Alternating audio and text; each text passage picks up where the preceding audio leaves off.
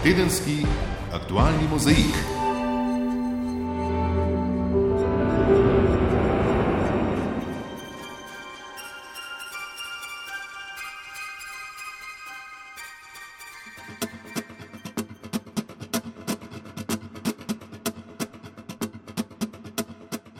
Koliko sprenevedanja in ironije premorejo pri tehnološkem velikanu Google?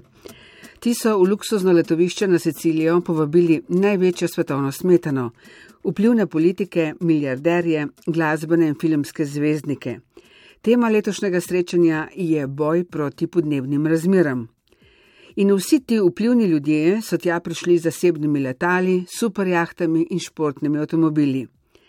Na organizatorje in povabljene se je vsul plas kritik z celega sveta.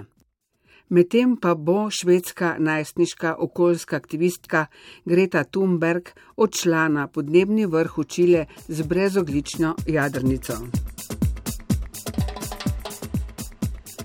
V Hirošimi in Nagasakiju so zaznamovali 59. obletnico, ko je ameriški bombnik nad mestom odvrgal jedrsko bombo. Pri tem je umrlo več kot 200 tisoč ljudi. Miha Lamprecht.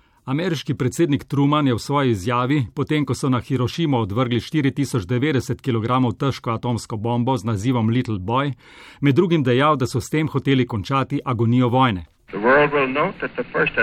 Prvo atomsko bombo smo odvrgli na Hirošimo, na vojaški cilj in nadaljevali bomo njeno uporabo za dokončno uničenje japonske vojaške moči. Tako Hirošima kot Nagasaki naj bi bila po ameriških trditvah del japonskega vojnega pogona. Devet dni kasneje je Japonska kapitulirala. Odločitev za prvo uporabo atomske bombe naj bi bila sprijeta ob vrnitvi predsednika Trumana z podzdamske konference julija 1945. Ameriška generala MacArthur in Eisenhower v odločitev nista bila neposredno upletena. Slednji naj bi temu celo nasprotoval. Župan Hirošime je ob tem dejal, da je zaskrbljen nad egocentričnim pogledom aktualne ameriške vlade.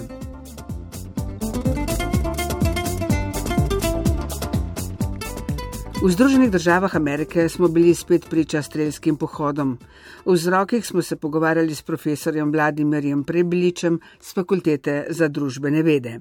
Vi lahko greste v Walmart in poleg tega, da kupite plenice za otroka, pa ne vem, kruh in pa mleko, imate potem zraven še avtomatsko puško, ki se lahko kupite dobesedno tako, kot ste kupili kruh. Zdaj sem globoko prepričan, da to, to, to temo bi mogli oni enkrat pač uh, nekako spraviti skozi oziroma dostop nekako imeti.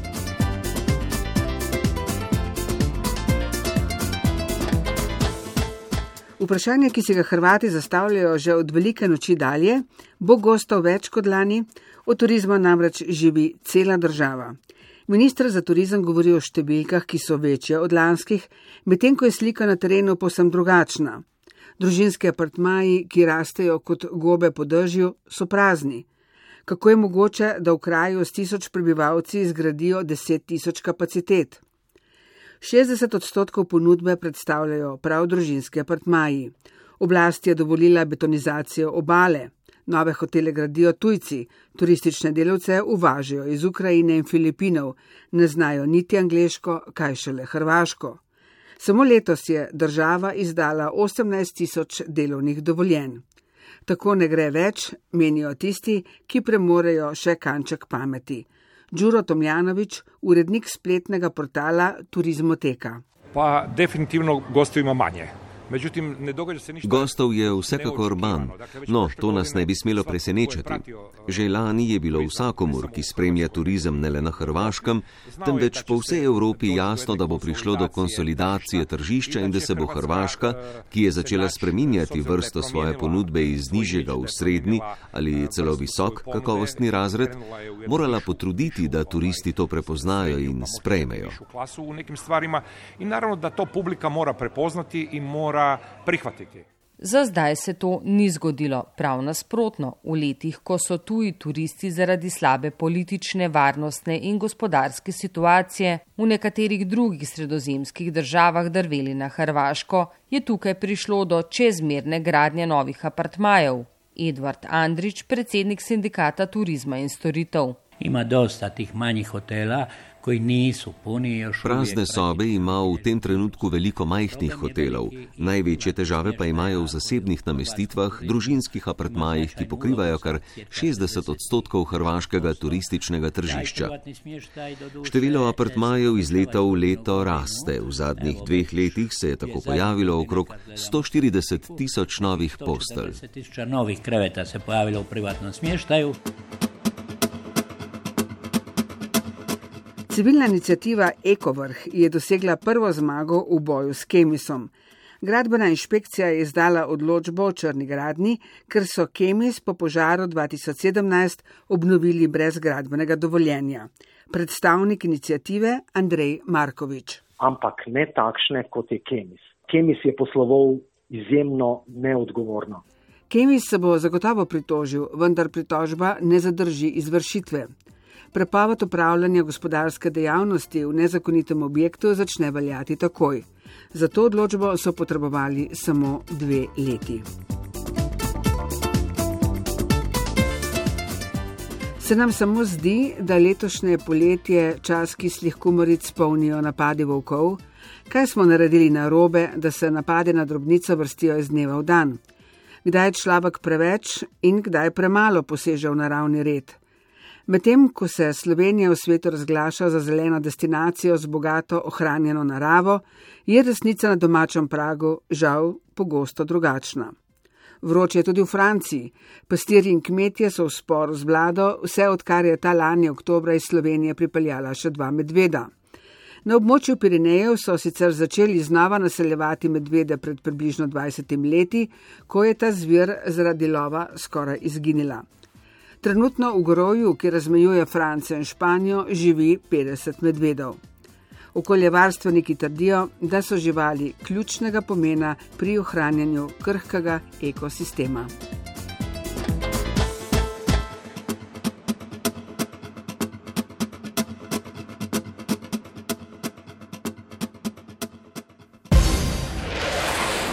Tedenski aktualni mozaik. Volk, medved in zajec so bile največkrat slišane besede na današnjem shodu z naslovom Slovenija ne bo zvrnjak. No, protestni shod kmetov je spremljal tudi naš kolega Marko Škrl. Marko, pozdravljen. Dobar dan. Ja, bo kar držalo. Namreč notrensko, kočevsko, crkljansko in še nekatera druga območja po državi zadnjih nekaj mesecev pretresajo številni napadi velikih zveri, zlasti volkov na drobnico, govejo živino, konje in druge domače živali. No, zveri so se zaradi delovanja nekaterih nevladnih organizacij, ki so dosegle sodno prepoved odstrela v nekaj letih, eh, tako razmnožile, da je v Sloveniji po strokovnih ocenah že več kot tisoč medvedov in okrog sto volkov. Eh, in ker jim v gozdovih po ocenah lovcev že zmanjkuje plena, so pač začeli udirati na pašnike in celo na kmečka dvorišča ter hleve. In ker vlada doslej pri reševanju te problematike ni bila učinkovita, eh, je torej sindikat kmetov Slovenije danes pod geslom Slovenija ne bo zverenjak eh, v velikih laščah eh, pripravil protestni shod. Stroka naj bi zatajila, pravijo kmetje, stroka je zašla za šank, pa pravi minister. Marko, kdo ima tu prav? Tu ima, po mojem, najbolj prav ministrica za kmetijstvo. Uh, jaz mislim, da ključne napake so bile storjene v preteklosti, ko se ta odvzem ni od, od, izvajal skladno z uh, zakonodajo zaradi različnih uh, postopkov, ki so jih stavljale nevladne organizacije uh, in da tokrat je res čas, da ta vprašanja prepustimo stroki in tudi skladno s tem, kar stroka predpiše, prihodnje ravnamo. Udeleženci so prepričani torej današnjega shoda, da bi moral minister za okolje Simon Zajc zaradi svoje svoje neučinkovitosti odstopiti. Marko, kmetje zahtevajo davčne olešave oziroma finančne spodbude. Ampak glede na to, da je 60 odstotkov naše države poraščeno z gozdom, so zveri dejstvo. Ja, res je, zveri so dejstvo uh, in zveri bodo, ker v gozdu že zmanjkuje hrane za nje, ker so se preveč namnožile, kot sem že dejal, uh, vedno pogosteje zahajale v naselja. Uh, Praktično pri volku pa je tako, da je samo z ograjami, pa naj bo v njih ne vem kakšna napetost, eh, te zveri težko ustaviti, namreč ograje preskočijo ali pa skopljajo lukne pod njimi in pridajo na pašnik v vsakem primeru. Tedenski aktualni mozaik poslušate v vročem sobotnem popodnevu, ko kaže ura 5 in 14 minut. Elektrofiltrski pepel iz ljubljanske toplarne, ki so ga vozili na nekdanjo deponijo premoga v Trbovlah, je te dni na noge dvignilo okoljevarstvenike in lokalno politiko. Več pa Karmen Štranca Rajevec. Vica, da v Trbovlje vozijo elektrofilterski pepel iz Ljubljanske toplarne, ki ga je leta prej odvažala v Moravče, kjer so deponijo zaradi spornega odlaganja in vsebnosti strupenih snovi zaprli, je že v tako degradiranem in obremenjenem okolju povzročila preplah. Saj se posledice preteklih okoljskih bremen še vedno kažejo ne le na površinah, predvsem na zdravju ljudi. Alenka Forte, zdravnica specialistka interne medicine in trbavalska občinska svetnica. Glede na znanje znane podatke. Mislim, da je obče človeško in tudi po stroki moramo zaključiti, da pravzaprav to okolje ne prenese nobenih dodatnih obremenitev, tudi če so v nekih materijalih zavedene koncentracije, ki ne presegajo tiste mejne kritične vrednosti. Vendar gre za akumulacijo, gre za nalaganje na že neko predhodno okolje, območje in če to primerjamo z znanimi podatki zdravja ljudi v zasavju, če z registrom raka to primerjamo, vendar vidimo, da je vpliv na naše zdravje. Zdravje še ne rojenih, zdravje otrok. In tistih, ki se danes, pravzaprav smo že starejša populacija. Vsak drugi moj pacijent, ki je sicer voden zaradi sladkorne, ima pridruženo tudi eno od rakavih bolezni, prednjačijo rak pljuč, limfomi, in rak prebavil. Z mojega vidika kot zdravnik je nespremljivo, da karkoli skladiščimo, odlagamo, tudi če je zadoščal vsem pravilnikom, tudi če nobene mejne vrednosti niso presežene. Torej, mi smo dobili za dosti. Mi smo kazen za industrijsko obdobje dobili, To je naše slabo zdravje, to so slabi tudi bivalni pogoji. Mi smo to vzeli v zakup kot zasavci, ker so bila na to vezana delovna mesta. Odpadki naj se oskrbijo tam, kjer nastanejo. Vse večja občutljivost za okolje in dogajanje v njem je tudi med prebivalci, kar potrjujejo številni klici in množica sporočil in fotografij na družabnih omrežjih. Predstavnica civilne inicijative Trbavlja Nasta Dobrlet Bučalič. Predvsem pa niso več apatični. Prišli smo do točke, ko nam je zelo, zelo mar, v kakšnem okolju živimo in bomo rekli, da je to pa bistven napredek od tega, da smo apatični, da smo sprijazni s tem, da bo trbovle znano po svojih odpadkih, da se bo naša kvaliteta življenja znižvala, da bomo zdravstveno še bolj ogroženi. Mislim, da smo prišli do zelo pomembne točke drugačnosti gledanja, razmišljanja. Srč problema je pogodba med HSE in energetiko Ljubljana za prevzem in začasno skladiščenje elektrofiltrskega pepela in žlindre na deponiji v Trbavljah, ki je v lasti HSE energetske družbe Trbavlje. Vznemirjanja niso pomirila niti zagotovila obeh upletenih družb HSE energetske družbe Trbavlje in energetike Ljubljana, da ima ta družbi vsa potrebna dovoljenja in da gre za nenevarni odpadek, ki ima tudi oceno vsebnosti nevarnih snovi, ki ne presegajo mejnih urednosti, niti začasna ustavitev dovoza pepela v Trbavlje ter pričetek nove dodatne analize materijala skladiščenega v Lakonci. V civilni inicijativi Trbavlje v izbranega neodvisnega izvajalca regionalni tehnološki center za Savje, s katerim se je strinjala tudi občina, dvomijo. Da to ni neodvisna institucija, neodvisna pa zato ne, ker če pogledate, kdo so njeni družabniki, je družabnik tudi firma, pri kateri se analizira je pa nekoliko razelektrilo ozračje pojasnilo direktorja HSE energetske družbe Trbavlje Ervina Renka, da nameravajo z elektrofilterskim pepelom sanirati del brežin deponije, za kar bi potrebovali okrog 20 tisoč ton pepela. To je tudi v bistvu glavni naš namen zbiralca odpadkov, to se pravi zberemo toliko količin, ki nam bojo potem kot predelani odpadki v gradbene proizvode eh, zadoščali za sanacijo te brežine in zgodba se tu konča. Trbavski občinski svet svetniki na izredni seji niso sprejeli dokončne odločitve, so pa nekako podaljšali že dogovorjeno in izvajano, da do seznanitve z rezultati dodatne analize pepela ne dovoljujejo zbiranja, skladiščenja in predelave odpadkov oziroma elektrofiltrskega pepela in žlindre na območju degradiranih površin HSE energetske družbe Trbovlja. Ja, do okolja se obnašamo vedno bolj odgovorno. Na vodstvo Urada za oskrbo migrantov so v teh dneh leteli številni očitki o nevzdržnih razmerah v azilnem domu Vič v Ljubljani. Predstavniki inicijative prosilcev za azil so namreč upozorili, da prosilci za mednarodno zaščito spijo v prenatrpanih sobah, zdravniška oskrba naj bi bila pomankljiva. Odnos nekaterih varnostnikov do prosilcev naj bi bil ponižujoč obtožujejo jih celo sodelovanja pri tihotapljanju migrantov. Vodstvo urada in varnostna služba vse očitke zavračata. Lucija Dimnik Rikič. Napetost v Ljubljanskem azilnem domu se je začela stopnjevati konec julija. Predstavniki inicijative Boj za svobodo trdijo, da so se varnostniki spravili na prosilca za azil Ibrahima, ker jih je zalotil, da so v zameno za denar ljudem odprli vrata zaprtega dela azilnega doma, zunaj na cesti pa naj bi jih čakal avto. Varnostniki naj bi ga poniževali in kot rezultat teh provokacij je bil omenjeni migrant udeležen v treh pretepih, posredovala pa je tudi policija zadnjem incidentu je imel po trditvah vodstva urada pri sebi nož, ki ga ni želel izročiti varnostnikom. Ti so zato poklicali policijo, ki je prosilca odpeljala. Vršilka dožnosti direktorice urada za oskrbo in integracijo migrantov Katarina Štrukel. Gospod um, iz Libije je imel več dogodkov za varnostno službo iz razloga, ker je večkratni kršitelj in tako hišnega reda kot uredbe o hišnem redu.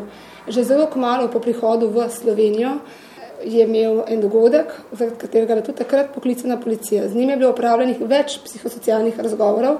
Prosilec gre za državljana Libije, je trenutno nameščen v postojnskem centru za tujce, kjer naj bi začel gladovno stavko. V inicijativi so prepričani, da so mu prostost oduzeli neopravičeno. Predstavnik prosilcev za azil Jož Džagar. Verjamemo, da je bil Ibrahim odpeljan v center za tujce, ker se je pritožil administraciji azilnega doma, njegova svoboda pa mu je bila odzeta zaradi tega, kar je videl. Ljudje, ki živijo v kampu, vedo vse o spornih praksah zaposlenih v azilnem domu, zato so tudi skušali preprečiti nasilno vedenje varnostnikov proti Ibrahimu in preprečiti pretep, vendar so varnostniki poklicali policijo. V inicijativi trdijo, da je vodstvo azilnega doma prijavo Libica zavrnilo kot neresnično, a Štrukljeva je te trditve zanikala in zagotovila, da se je na prijavo o koruptivnem dejanju varnostnikov takoj odzvala. Jaz lahko s polno odgovornostjo trdim, da sem tisti dan, ko je gospod povedal določena dejstva, jih takoj posredovala organom pregona, tako kot naredim v vseh drugih primerih. In um, izrek omejitve gibanja nima nikakršne povezave z navedbami, ki mi jih je gospod povedal. V inicijativi Boj za svobodo so prepričani, da dogodek ni osamljen. Predstavnica prosilcev za azil Aigul Hakimova. Trdimo, da obstaja sum, da se pomoči v azilnem domu, se dogajajo kolektivno tihotapstvo in enkrat, ko nekdo drug vidi, potem varnostniki začnejo nad tem človekom izvajati nasilje in pripeljajo človeka do obupnega stanja, pokličejo policijo, rečejo, da ni dober in ga potem zaprejo. Na očitke je odgovorila tudi direktorica varnostne službe Galekom Nataša Pungaršek. Potrdila je, da so že junija pri notranjem nadzoru v nekaterih domovih zaznali morebitne nepravilnosti, o tem obvestili urad in policijo ter sprožili ustrezne postopke z oporupletene varnostnike. Nikakor pa ti dogodki niso povezani z zadnjim dogajanjem, saj z varnostniki, na katere je padla senca suma, ne sodelujo več. Direktorica Galekoma je tudi zatrdila, da nihče od varnostnikov ne kriči na stanovalce azilnega doma, jih ne trpinči ali se do njih grdo obnaša. Da je varnostna služba v primeru prosilca iz Libije ravnala povsem profesionalno, ocenjuje tudi vodja projekta Pomoč pri nastanitvi in oskrbi prosilcev za mednarodno zaščito Fejla Pašič Bišič, ki se z migranti v azilnem domu srečuje vsak dan. V azilnem domu bivajo ljudje, ki uh, imajo tudi psihične težave in mi vsekakor nismo psihiatrična ustanova, kjer bi te težave zdravili. Um, gre za prosilce, ki poznajo pravice svoje zelo, zelo dobro, do obveznosti pa nimajo posluha. Vsak tak incident nas vse le zelo žalosti, saj meče senco na vse dobre stvari, ki se zgodijo v azilnem domu, pravi Pašičeva. Vsekakor ne vladajo izredne razmere, v azilnem domu upravljamo čudovito delo, smo ljudje, ki smo pripravljeni vlagati veliko več, kot se od nas pričakuje in ne nazadnje pripraviti te ljudi na življenje v mm. Evropi. Očitki o dolgotrajnih postopkih, ki še podaljšujejo negotovost prosilcev, so po njenem sicer upravičeni, saj nekateri na odločitev čakajo tudi več let. Da so razmere v azilnem domu neozdržne, pa trdi eden od stanovalcev. No Uh, there is no like uh, not no human condition inside. There is some families like with four or five kids. Prosilec je povedal, da nimajo dovoljenja za delo, razmere pa so nečloveške, saj v majhnih sobah spi tudi po pet otrok. Za lastne potrebe prejmejo le 18 evrov na mesec, zdravniško skrbo pa jim nudijo le v nujnih primerjih. Varuh človekovih pravic Petr Svetina je že napovedal, da bo preveril razmere v azilnem domu. Tedenski aktualni mozaik. Še ostajamo v Sloveniji. Sredi tedna je uprava 2TDK, to je državnega projektnega podjetja za graditev drugega železniškega tira Divača Koper, razveljavila razpis za gradnjo dveh mostov v dolžini 170 metrov čez reko Glinščico. Konec junija je bil sicer izbran najcenejši izvajalec, konzorci treh gradbenih podjetij, ki pa mu zdaj očitajo poneverbo reference in to zaradi domnevno prenisko zgrajenega zidu v občini Pesnica. Druga dva ponudbena konzorcija pa nista bila izbrana, ker sta pretiravala s ceno. Vse to je razjezilo tudi ministrico za infrastrukturo, ki je v javnost poslala sporočilo, naj se gradbeni lobby neha norčevati. Več Maja Derčar. Če se je zataknilo že pri 170 metrih železniške proge drugi tir, kaj bo šele pri vseh 27 km, je bil naravni pomislek po sredini odločitvi družbe 2TDK, da razpis za graditev dveh mostov čez Glinščico ponovi. In odgovorni so se tega pomisleka gotovo zavedali, ko so omenjali enormne pritiske javnosti. Novinari vsak dan pošiljamo vprašanja o projektu drugi tir, kdaj, kdo, kako. Projekt ima redni poslovni nadzor, ministerski nadzor, civilni nadzor in še medijski nadzor, pa kot se je izkazalo ta teden, gradbene firme, ki tekmujejo na razpisih, nadzirajo tudi druga drugo. Kako? Na razpisu za Glinščico, ocenjenem na približno 9 milijonov in pol, je zmagal Ptujsko-Gorenski konzorci, podjetji, ki je oddal ponudbo za 8 milijonov evrov. Drugi konzorci s precej dražjo 13,5 milijonsko ponudbo, ki so ga sestavljali kolektor Pomgrad in Riko, se je oborožil. Kolektor je dva TDK upozoril, da je zmagovalni konzorci ponaredil referenco pri gradnji zidu v pesnici. Zid, ki varuje pred plazovi, bi moral biti visok 8 metrov, pa ni, je kvečemu 7. Aleksandr Šara zastopa konzorci podjetij Marko Mark Nival, Nival in Ekorel in vse očitke odločno zanika. Glede, mi tako in tako ne moramo sami sebi ponarediti referenco, druga zid pa na določenih mestih presega uh, tudi 8,20 metrov kot, eh, ali pa 8 metrov, tudi 8 metrov pa pol dosega višino, tako da je zid je v naravi. Je problem pa tega zidu, da je delno ukopan oziroma zasipan, tako da ga dejansko je potrebno bi bilo odkopati in pogledati in preveriti globino, vkolikor se naročnik ne strinja z ali pa smatra, da nekaj ni v redu z referenco. Ali se boste pritožili na to, da uprava 2TDK e, ne, pravi, da ne bo oddala naročila uh, vam? Poglejte, absolutno bomo v tem osemdnevnem uh, roku delovnih dni bomo mi vložili zahteve za revizijo. Ministrica Alenka Bratušek v sredo ni skrivala razočaranja nad sumom, da je najugodnejši konzorcij domnevno ponaredil referenco.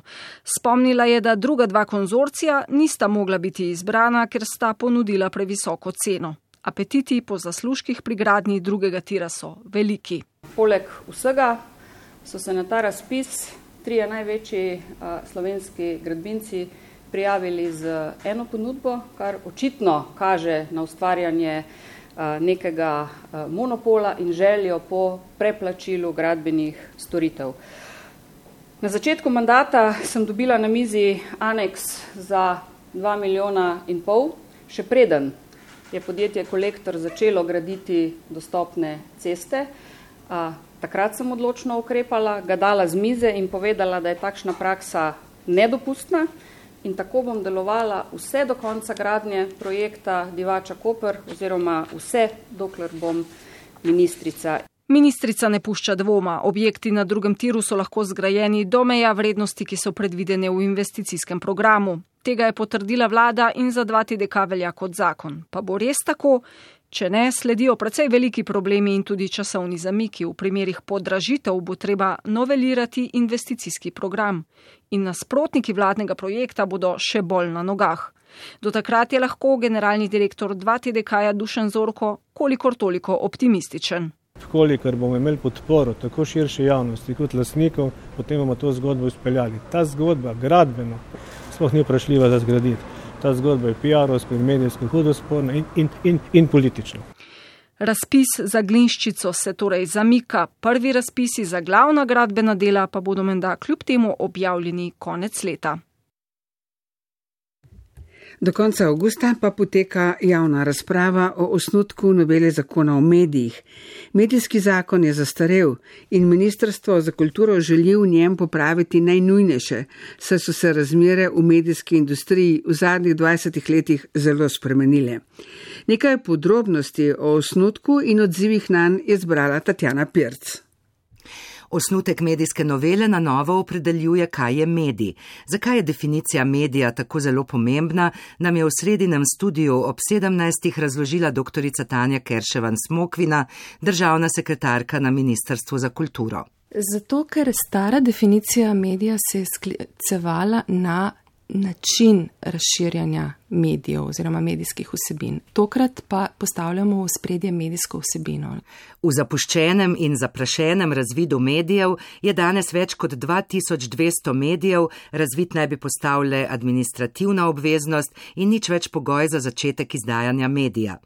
Na ministrstvu, ki je upravljalec razvida, bodo, če bo novela sprejeta, iz razvida odstranili vse, kar van ne sodi. Seznam medijev naj bi se s časoma prečistil in skrajšal. Koliko medijev bi tako izpadlo iz seznama? Veliko, mislim, da veliko. Ja. Je odgovorila Tanja Kerševan Smokvina z Ministrstva za kulturo, ki je pojasnila tudi, zakaj spreminjajo člene o koncentraciji v medijih. Ja, dejstvo, da imamo opravka z zelo zastarelo rešitvijo, ki se v veliki meri še sklicuje oziroma za kriterije, ki vodijo lahko v izdajo negativnega mnenja, navaja sklicevanje na analogne tehnologije. Torej v praksi dokaj neuporabna rešitev.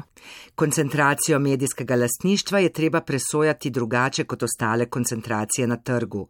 Uvedli bi test javnega interesa, velik pomen pripisujajo oceni učinkov in posledic medijske koncentracije. O tem bi ponovem presojala Agencija za komunikacijska omrežja in storitve.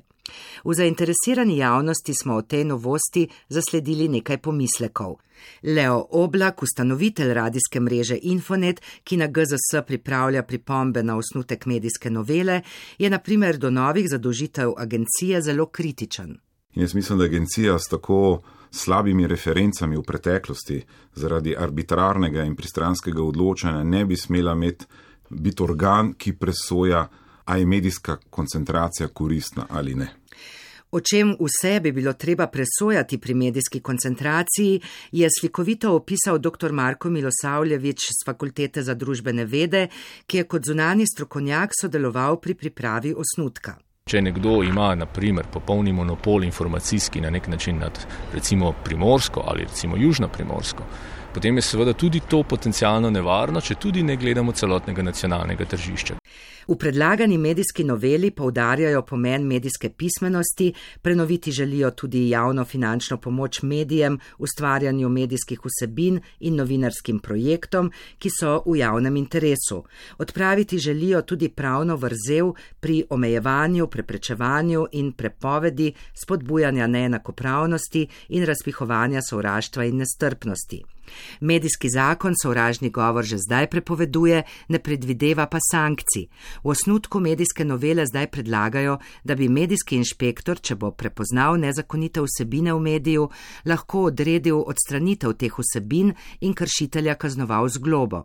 Predvidena je tudi možnost posvetovanja z reprezentativnimi strokovnimi združenji. Ta del noveliranega zakona bo najverjetneje najbolj razdeljeval strokovno javnost in predvsem politiko.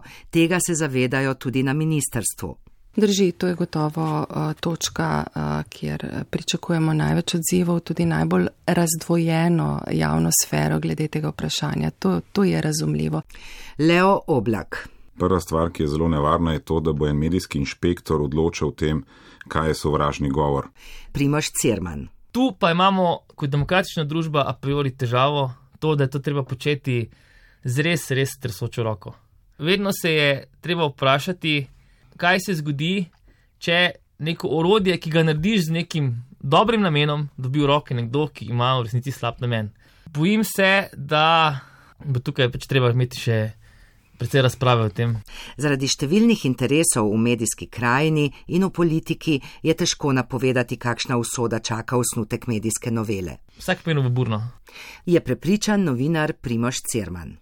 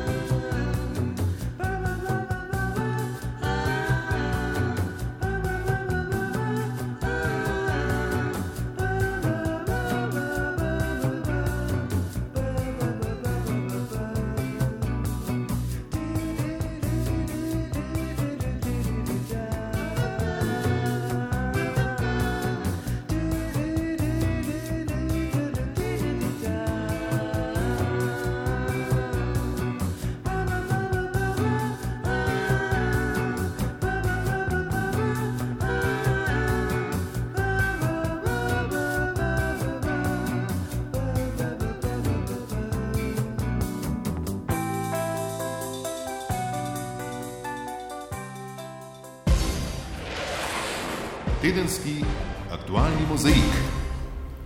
Poslušate prvi program Radia Slovenija, ura je 23 minut do 6. No, zdaj le gremo preko luže v Združene države Amerike.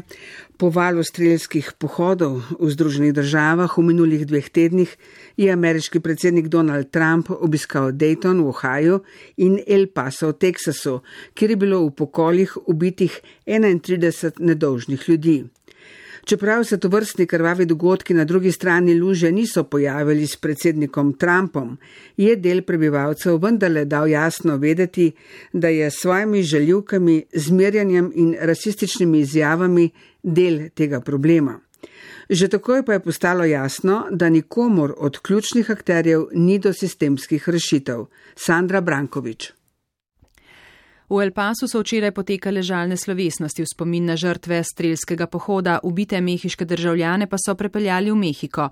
Udeležil se jih je tudi demokratski predsedniški kandidat Beto O'Rourke, ki je zelo jasno obsodil beli nacionalizem in obtožil Trumpa podpihovanja rasnega razlikovanja. V čustveno močno razgretem El Pasu so mu številni sporočili, da ni dobrodošel. Predsednik ni dobrodošel, ker je del problema. Njegova retorika in sovraštvo sta povzročila to, kar smo videli v soboto, je dejal protestnik Fernando Garcia. Kongresnica Veronika Escobar je zatrdila, da bo El Paso kljub belskemu rasizmu ostalo mesto odprtih rok do migrantov. Uh, Nismo le žrtve epidemije strelskega nasilja, ampak tudi epidemije sovraštva. Zaradi barve kože je naša skupnost tarča nasilja in še, ker smo migranska skupnost. Mehiška vlada pa bo sprožila preiskavo o tem, ali je šlo za teroristični napad proti mehiški skupnosti, ter bi lahko zahtevala tudi izročitev storilca, je v mehiškem obmejnem mestu Ciudad Juarez povedal mehiški zunani minister Marcelo Ebrard. Po prvem tvitu po pokolih v El Pasu in Daytonu, v katerem je ameriški predsednik Donald Trump presenetil s pozivom k strožjim ukrepom glede dostopa do orožja, je kmalo zatem omilil izjavo ter dejal, da bi morali omejiti pravico do orožja duševnim bolnikom. Posvaril je pred nevarnostjo interneta in nasilnih videoiger. Trump ustraja pri strožjem preverjanju kupcev orožja.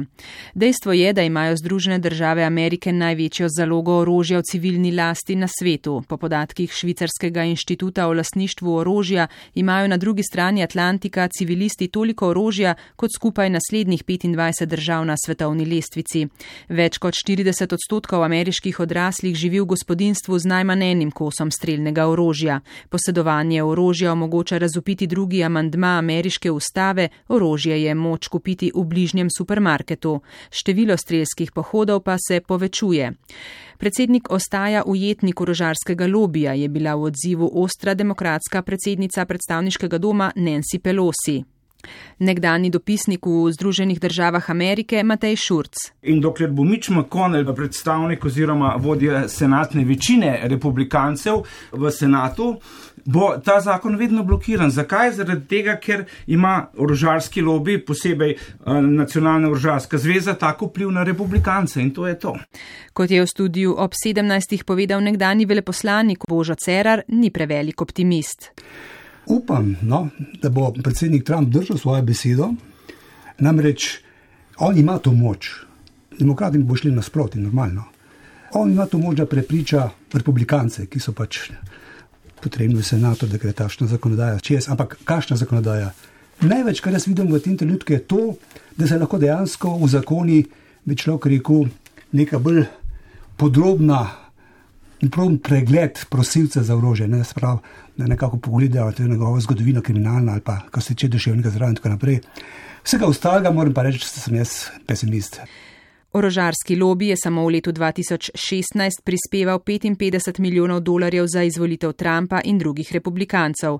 Tudi po zadnjih strelskih pohodih tako ni pričakovati bistvenih sprememb orožarske zakonodaje. Še ostajamo na tujem. Odnosi med Indijo in Pakistanom so se v minulih dneh vnovič nevarno zaostrili, potem ko je v ponedeljek indijska vlada odpravila avtonomijo indijskega dela Kašmirja, kjer živi večinsko muslimansko prebivalstvo. Indija trdi, da bo ta ukrep pospešil gospodarski razvoj Kašmirja in njegovo integracijo v Indijo. Pakistan pa je že sprejel vrsto političnih in gospodarskih ukrepov proti svoji sosedi, Blaž Armenc. Sprejeli smo zgodovinsko odločitev, ki bo omogočila razvoj Kašmirja in drugih tamkajšnjih območij. Je nepričakovano odločitev o odpravi avtonomije pokrajine sporočil indijski premijer Narendra Modi. Oblasti v New Delhiju so poleg odprave posebnega statusa omogočile tudi nakupe nepremičnin v Kašmirju prebivalcem drugih indijskih zvezdnih držav, kar je bilo doslej prepovedano. Iz do zdajšnje zvezdne dežele Džamu in Kašmir pa so tudi ločile pokrajino Lada, kjer živijo tibetanski budisti. Da bi preprečili morebitne izgrede, so oblasti hkrati z izbrisom avtonomije v nemirni Kašmir poslale vojaške in policijske ukrepitve, omejile združevanje ljudi, prekinile telefonske in spletne povezave, zaprte so šole in trgovine. Na besen odziv sosednjega Pakistana ni bilo treba dolgo čakati. Obe jedrski sili sta doslej bili že tri vojne zaradi nadzora nad Kašmirjem. IOK has been converted into the largest prison in the world. Del Kašmirja, ki ga okupira Indija, je bil spremenjen v največji zapor na svetu. Več kot 14 milijonov ljudi ne more zapustiti domov, je sporočil predstavnik pakistanskega zunanjega ministrstva. Uradni Islamabad je izgnal posebnega indijskega odposlanca in prekinil trgovinske odnose s sosedno državo. Pakistan je začasno prekinil še edino železniško povezavo z Indijo, tako imenovani vlak miru, ki je dvakrat tedensko povezoval pakistansko mesto Lahore z indijsko prestolnico. Da ne bi spor vendarle zašel predaleč, pa so iz Islamabada sporočili. We can never advocate war. We can only say that all solutions should be through a dialogue. Ne zagovarjamo vojaške rešitve konflikta, rešitev moramo doseči skozi dialog in pogajanja. Tako pravijo pakistanske oblasti, a jezni protestniki na shodih, ki se v teh dneh vrstijo v Pakistanu, so naklonjeni bolj radikalni rešitvi spora s sosedno državo. Popolnoma jasno je, da vprašanja Kašmirja ne bodo razrešili politični dogovori, lahko ga rešimo zgolj z džihadom. Vse ostalo je izguba časa, je prepričan eden od islamističnih protestnikov protestnikov. Zaradi odprave avtonomije, restriktivnih ukrepov in priprtja približno 400 kašmirskih politikov in aktivistov, tudi tistih zmernejših, pa se nevarno krepita tudi nezadovoljstvo in jeza med muslimansko večino v Kašmirju. Prebivalci se upravičeno čutijo zapostavljene in ponižane. Če bi New Delhi zaprli le za eno uro, si predstavljate razmere. V Kašmirju pa so ljudje že teden dni brez javnega prevoza, telefonov, interneta, hrane in zdravil. Kakšno življenje je to? Je to indijska demokracija? Zaskrbljenost zaradi ukrepov indijskih oblasti pa so izrazili tudi Združeni narodi. So Omejitve soboščin bodo poslabšale stanje človekovih pravic v regiji in onemogočile prebivalcem Kašmirja, da sami odločijo o svoji prihodnosti, opozarjajo na uradu visokega komisarja OZN za človekove pravice. Za nepremišljeno in neodgovorno odpravo kašmirske avtonomije se je odločila indijska vladajoča nacionalistična stranka Baratija Džanata, s čimer je želela ugoditi predvsem svojim voljivcem iz vrst hindujske večine, a s to potezo je sprožila nezadovoljstvo muslimanov v Kašmirju in prilila olje na ogen v nevarnem sporu s sosednjim Pakistanom. V minulih letih so se razmere v Kašmirju umirile, vrnil se je obet lepše prihodnosti, vračati so se začeli tudi turisti. Nepremišljena odprava posebnega statusa Kašmirja Kašmirje lahko pokrajino, pa tudi obe azijski jedrski sosedi, hitro vrne v najbolj črna leta nasilja.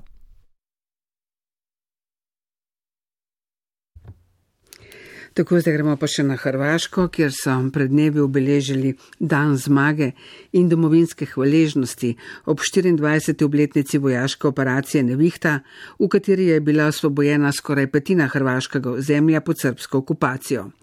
Dogodek, ki vsako leto v Knin pripelje celoten hrvaški državni vrh, so tudi tokrat zaznamovali posamezniki, ki so sklikali ustaške pozdrave. No, največ pozornosti pa je letos v Kninu ukradla predsednica Kolinda Grabar Kitarovič, najprej s svojim nenavadnim govorom in vedenjem, potem pa tudi z objavo ponovne kandidature za predsednico države. Dogodek so obeležili tudi na srpski strani s spominsko slovesnostjo na Fruški gori, odkudar je srpska politična elita sporočila, da so se Srbi, za razliko od Hrvatov, s svojimi zločini v tej vojni edini soočili, poroča Tanja Borčič Bernard. Obletnica vojaške operacije Nevihta, s katero se Hrvaška spominja 5. augusta leta 1995, ko je po štiriletni srpski okupaciji osvobodila petino svojega ozemlja, je tudi letos odprla stare rane tako na hrvaški kot na srpski strani. Mi smo uh, svojo svobodo krvlju platili. Kot je dejal hrvaški minister za vojne veterane Tomo Medved, je Hrvaška svojo svobodo plačala s krvjo. V operaciji Nevihta je umrlo 238 hrvaških vojakov. Svoje domove pa je zapustilo 90 tisoč Srbov, tako vsaj pravijo na Hrvaškem, medtem ko v Srbiji trdijo, da je bilo pregnanih kar 250 tisoč ljudi. In večeras neki slave, slavodobitno, uz pesme, v kojima veličaju ustaške nacističke pozdrave. Nocoj nekateri zmagoslavno slavijo o pesmih, ki poveličujejo ustaške nacistične pozdrave in nam grozijo. Je na Fruški gori, kjer se je zbral celoten srpski politični vrh, dejal predsednik Aleksandar Vučić. In res je tudi letošnjo proslavo dneva zmage in domovinske hvaležnosti zasenčila ustaška retorika.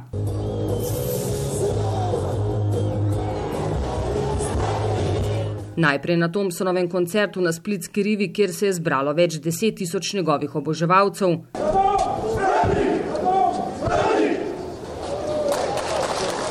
potem pa tudi dan pozneje v Kninu, kjer ga je vzklikala skupina vojnih veteranov. Prije dvije godine mi smo njih eh, prijavili prekršeno nadležnom prekršenem sudu v Kninu. Pred dvemi leti smo jih prijavili na sodišče za prekrške v Kninu, ki jih je na prvostopenskem sojenju oprostilo, pojasnjuje načelnik tamkajšnje policijske uprave.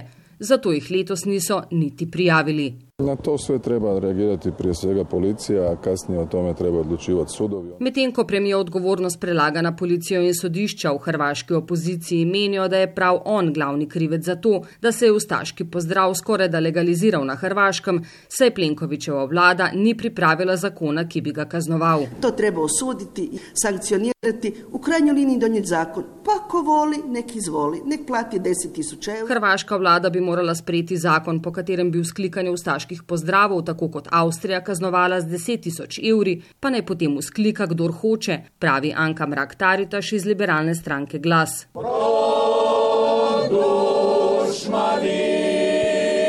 Novo šov v Kninu pa je letos ukradla hrvaška predsednica Kolinda Grabar Kitarovič. Najprej je skoraj preglasila vojaško klapo, potem pa je imela nenavaden govor pred vojaškimi poveljniki. Moram vam reči, da me gotovo grizl savjest. Najradije bih bila uhvatila pušku i otišla na bojište. V katerem je dejala, da jo je leta 95 skoraj da grizla zavest, ker ni tudi sama zgrabila za puško in odšla na bojišče. Med prisotnimi je bilo kar nekaj čudnega spogledovanja, nekdani hrvaški predsednik Ivo Josipovič je podvomil, ali ga ni morda preveč spila. Pa dva, tri puta sem odlazil v toalet, mislil sem se izpovreče. Dakle... Nekdani minister za vojne veterane iz SDP-eve vlade Predrag Fred Matič pa je celo dejal, da je šel parkrat na stranišče, ker je mislil, da bo bruhal. Po njegovem je predsednica žrtev hrvaških vojakov izkoristila za lasno promocijo, sploh ker je v Kninu tudi napovedala ponovno borbo za Pantovčak. Istočasno je v Zagrebu skupina aktivistk protestirala na osrednjem zagrebskem trgu. Pobjeda, koja se slavi ovih dana, nije neupitna, nije tako veličanstvena, nego da je umrljena zločinom. Da v proslavi nevihte ne gre za nobeno veličastno zmago, saj je operacija oskrunjena zločini, za katere na Hrvaškem nihče ni odgovarjal, meni boja na genovi ženske mreže, ter dodaja, da je četrt stoletja po koncu vojne skrajni čas, da se prekine sovražna retorika, kar bi tudi vodilo v normalizacijo odnosov med Hrvaško in Srbijo. Tedenski aktualni mozaik. Še vedno poslušate prvi program Radia Slovenija. Povemo, da bomo v ponedeljkovem studiu ob 17. odšli na Kopersko plažo. Kolegica Tjaša Škampelem bo z gosti govorila o onesnaženosti morja s fekalijami. Tako vi pa ste poslušali eh, tedenski aktualni mozaik 10. august vroče je danes.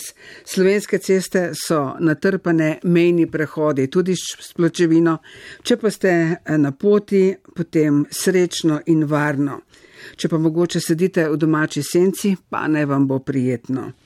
Tako, z vami sva bila v tej uri Matic Marentič in Helena Premrl. Srečno 8 minut do 6.